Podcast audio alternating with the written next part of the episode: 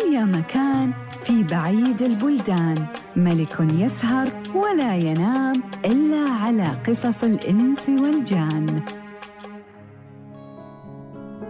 قالت بلغني أيها الملك السعيد أن الصياد قال للعفريت لو أبقيتني كنت أبقيتك لكن ما أردت إلا قتلي فأنا أقتلك محبوسا في هذا البحر.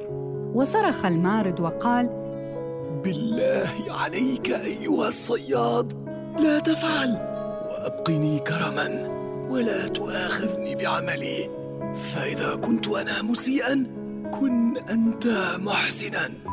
وفي الأمثال السائرة يا محسنا لمن أساء كفى المسيء فعله ولا تعمل كما عمل أمامة معاعاتك قال الصياد وما شأنها؟ فقال العفريت ما هذا وقت حديث وأنا في السجن حتى تطلعني منه وأنا أحدثك بشأنهما؟ فقال الصياد لا بد من إلقائك في البحر ولا سبيل إلى إخراجك فإني كنت أستعطفك وأتضرع إليك وأنت لا تريد إلا قتلي من غير ذنب استوجبته منك ولا فعلت معك سوءا قط ولم أفعل معك إلا خيرا. لكوني أخرجتك من السجن.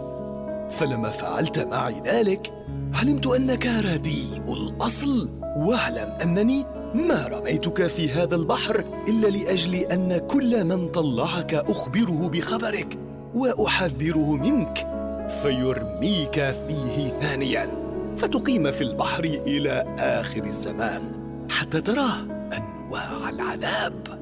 قال له العفريت أطلقني. فهذا وقت المروءات وأنا أعاهدك لن أسوءك ابدا بل أنفعك بشيء يغنيك دائما.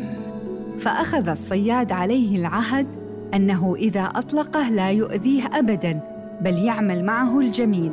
فلما استوثق منه بالإيمان والعهود وحلفه باسم الله الأعظم فتح له الصياد فتصاعد الدخان حتى خرج وتكامل فصار عفريتا مشوه الخلقة ورفص القمقم فرماه في البحر. فلما رأى الصياد أن العفريت رمى القمقم في البحر أيقن بالهلاك وقال هذه ليست علامة خير. ثم إنه قوى قلبه وقال أيها العفريت قال الله تعالى وأوفوا بالعهد إن العهد كان مسؤولا. وأنت قد عاهدتني وحلفت أنك لا تغدر بي. فإن غدرت بي يجزيك الله. فإنه غيور يمهل ولا يهمل. وأنا قلت لك مثل ما قال الحكيم رويان للملك يونان أبقني يبقيك الله. فضحك العفريت ومشى أمامه وقال أيها الصياد اتبعني. فمشى الصياد وراءه وهو لم يصدق بالنجاة إلى أن خرجوا من ظاهر المدينة وطلعوا على جبل ونزلوا إلى برية متسعة وإذا في وسطها بركة ماء فوقف العفريت عليها وأمر الصياد أن يطرح الشبكة ويصطاد. فنظر الصياد إلى البركة وفيها السمك ألوانا الأبيض والأحمر والأزرق والأصفر فتعجب الصياد من ذلك ثم إنه طرح شبكته وجذبها فوجد فيها أربع سمكات كل سمكة بلون. فلما رآها الصياد فرح فقال له العفريت ادخل بها إلى السلطان وقدمها إليه فإنه يعطيك ما يغنيك. وبالله اقبل عذري فإنني في هذا الوقت لم أعرف طريقا وأنا في هذا البحر مدة ألف وثمانمائة عام. ما رأيت ظاهر الدنيا إلا في هذه الساعة. ولا تصطد منها كل يوم إلا مرة واحدة. واستودعتك الله. ثم دق الأرض بقدميه فانشقت وابتلعت ومضى الصياد إلى المدينة وهو متعجب مما جرى له مع هذا العفريت. ثم أخذ السمك ودخل به منزله وأتى بماجور ثم ملأه بماء وحط فيه السمك. فاختبط السمك من داخل الماجور في الماء. ثم حمل الماجور فوق رأسه وقصد به قصر الملك كما أمره العفريت. فلما طلع الصياد إلى الملك وقدم له السمك تعجب الملك غاية العجب من ذلك السمك الذي قدمه إليه الصياد لأنه لم يرى في عمره مثله صفة ولا شكلا. فقال ألقوا هذا السمك للجارية الطباخة. وكانت هذه الجارية قد أهداها له ملك الروم منذ ثلاثة أيام وهو لم يجربها في طبيخ فأمرها الوزير أن تلقيه وقال لها يا جارية إن الملك يقول لك ما ادخرت دمعتي إلا لشدتي ففرجنا اليوم على طهيك وحسن طبيخك فإن السلطان جاء إليه واحد بهدية. ثم رجع الوزير بعدما أوصاها فأمره الملك أن يعطي الصياد 400 دينار فأعطاه الوزير إياها فأخذها في حجره وتوجه إلى منزله لزوجته وهو فرحان مسرور. ثم اشترى لأبنائه ما يحتاجون إليه. هذا ما كان من أمر الصياد. وأما ما كان من أمر الجارية فإنها أخذت السمك ونظفته ورصته في الطاجن. ثم إنها تركت السمك حتى استوى وجهه وقلبته على الوجه الثاني.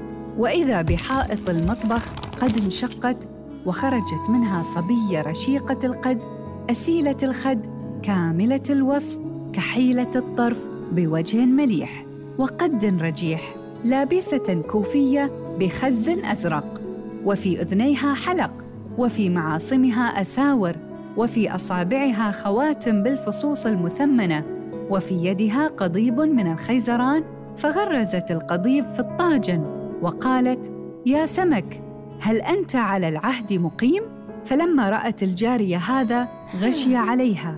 وقد أعادت الصبيه القول ثانيا وثالثا فرفع السمك رأسه من الطاجن وقال نعم نعم. ثم قال جميع هذا البيت. إن عدت عدنا وإن وافيت وافينا وإن هجرت فإنا قد تكفينا. فعند ذلك قلبت الصبية الطاجن وخرجت من الموضع الذي دخلت منه والتحمت حائط المطبخ ثم أفاقت الجارية فرأت الأربع سمكات محروقة مثل الفحم الأسود. فقالت تلك الجارية من أول غزوته حصل كسر عصيته فبينما هي تعاتب نفسها إذا بالوزير واقف على رأسها. وقال لها هات السمكة للسلطان. فبكت الجارية وأعلمت الوزير بالحال وبالذي جرى. فتعجب الوزير من ذلك وقال ما هذا إلا أمر عجيب. ثم إنه أرسل إلى الصياد فأتوا به إليه فقال له أيها الصياد لا بد أن تجيء لنا بأربع سمكات مثل الذي جئت بها اولا. فخرج الصياد إلى البركة وطرح شبكته ثم جذبها. وإذا بأربع سمكات فأخذها وجاء بها إلى الوزير فدخل بها الوزير إلى الجارية وقال لها قومي اقليها أمامي حتى أرى هذه القضية. فقامت الجارية أصلحت السمك ووضعته في الطاجن على النار فما استقر إلا قليلا وإذا بالحائط قد انشقت والصبيه قد ظهرت وهي لابسة ملبسها. وفي يدها القضيب فغرزته في الطاجن وقالت يا سمك يا سمك هل أنت على العهد القديم مقيم؟ فرفعت السمكات رؤوسها وأنشدت هذا البيت. إن عدت عدنا وإن وافيت وافينا وإن هجرت فإنا قد تكفينا. وأدرك شهرزاد الصباح فسكتت عن الكلام المباح.